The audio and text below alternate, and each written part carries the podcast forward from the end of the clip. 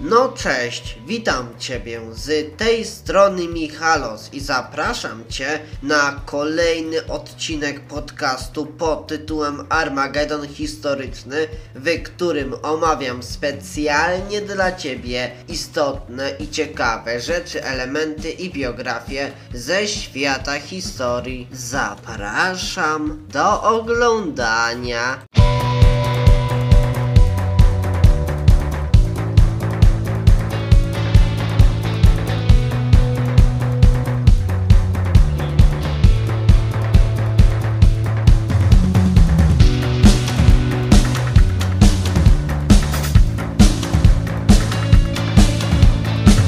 A w tym odcinku będę nadal kontynuował temat historii wojny polsko-bolszewickiej, gdyż tematem tego odcinka będzie ofensywa Tuchacewskiego, no i atak Budionnego na Ukrainę.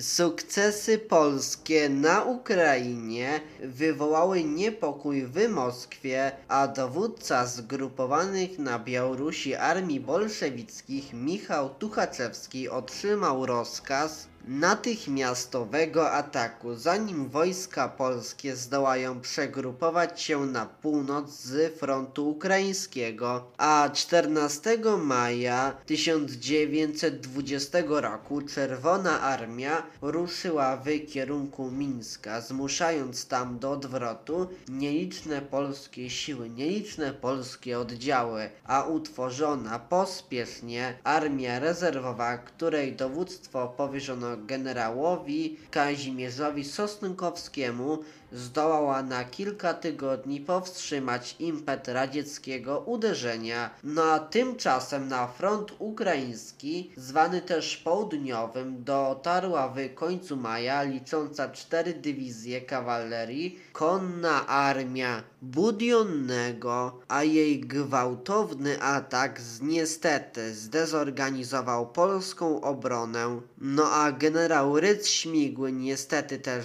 został zmuszony do wycofania się z Kijowa, a nie powiodła się niestety również także próba podjęta przez generała Jana Romera pobicia Budionnego pod Zwiachlem, a kozacy z konnej armii przystąpili do krwawej pacyfikacji Ukrainy, znęcając się nad ludnością cywilną, mordując jeńców, no paląc szpitale i gwałcąc kobiety. Niestety ten odcinek dobiega już do końca, więc bardzo Cię proszę o udostępnienie i polecenie tego filmu innym osobom za pomocą Wola na Facebooku czy za pomocą innego narzędzia. A tak w ogóle zachęcam Ciebie do zostawienia łapki w górę i komentarza pod tym filmem oraz do zasubskrybowania mojego kanału YouTube, do zaobserwowania mojego konta na Instagramie o nazwie Michal Michalos, a także do zaobserwowania podcastu pod tytułem Armagedon Historyczny na swojej aplikacji. Z góry dzięki za okazaną pomoc. No dobrze, to do usłyszenia w następnym odcinku. No to cześć, pa.